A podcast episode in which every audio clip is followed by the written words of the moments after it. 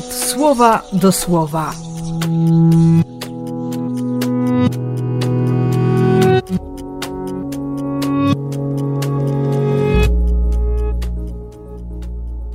Dziesiąty stycznia, środa.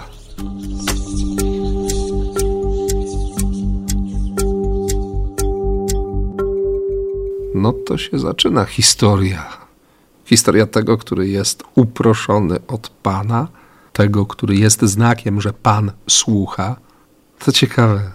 Chłopak żyje pod okiem arcykapłana, który nie widzi światła Bożego, którego synowie są żywą obrazą Boga, kapłani, więc nikt im nie podskoczy.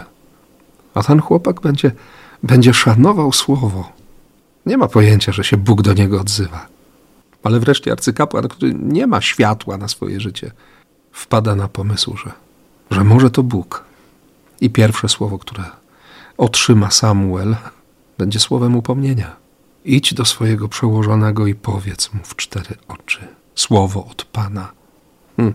Przez całe swoje życie Samuel będzie szanował słowo, będzie ciągle uczniem, wciąż będzie słuchał, będzie w jego tożsamości ukryte to to pragnienie, by, by słyszeć, by być posłusznym. Taki jest Jezus. Wciąż zasłuchany w Ojca, niezapatrzony w siebie.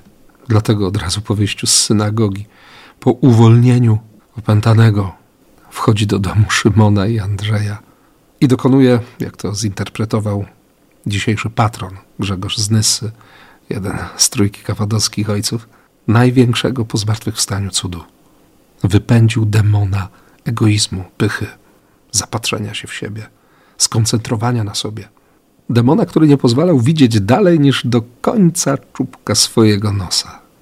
A to owocowało rozgorączkowaniem, trudnościami, kompletnym chaosem w relacjach. Więc nie dziwi, że kiedy szabat się kończy, czy kiedy nastał wieczór, całe miasto przychodzi.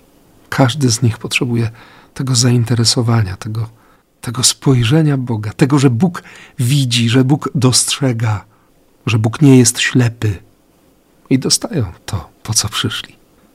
A Jezus chce więcej i wszędzie, gdzie się pojawi, będzie robić właśnie to: nauczać i przypominać, jaki jest Bóg, demaskować działanie diabła. Więc tego Ci dziś życzę. Pewności, że Bóg widzi i wrażliwego ucha by słyszeć to, co On mówi. I błogosławię. W imię Ojca i Syna i Ducha Świętego. Amen.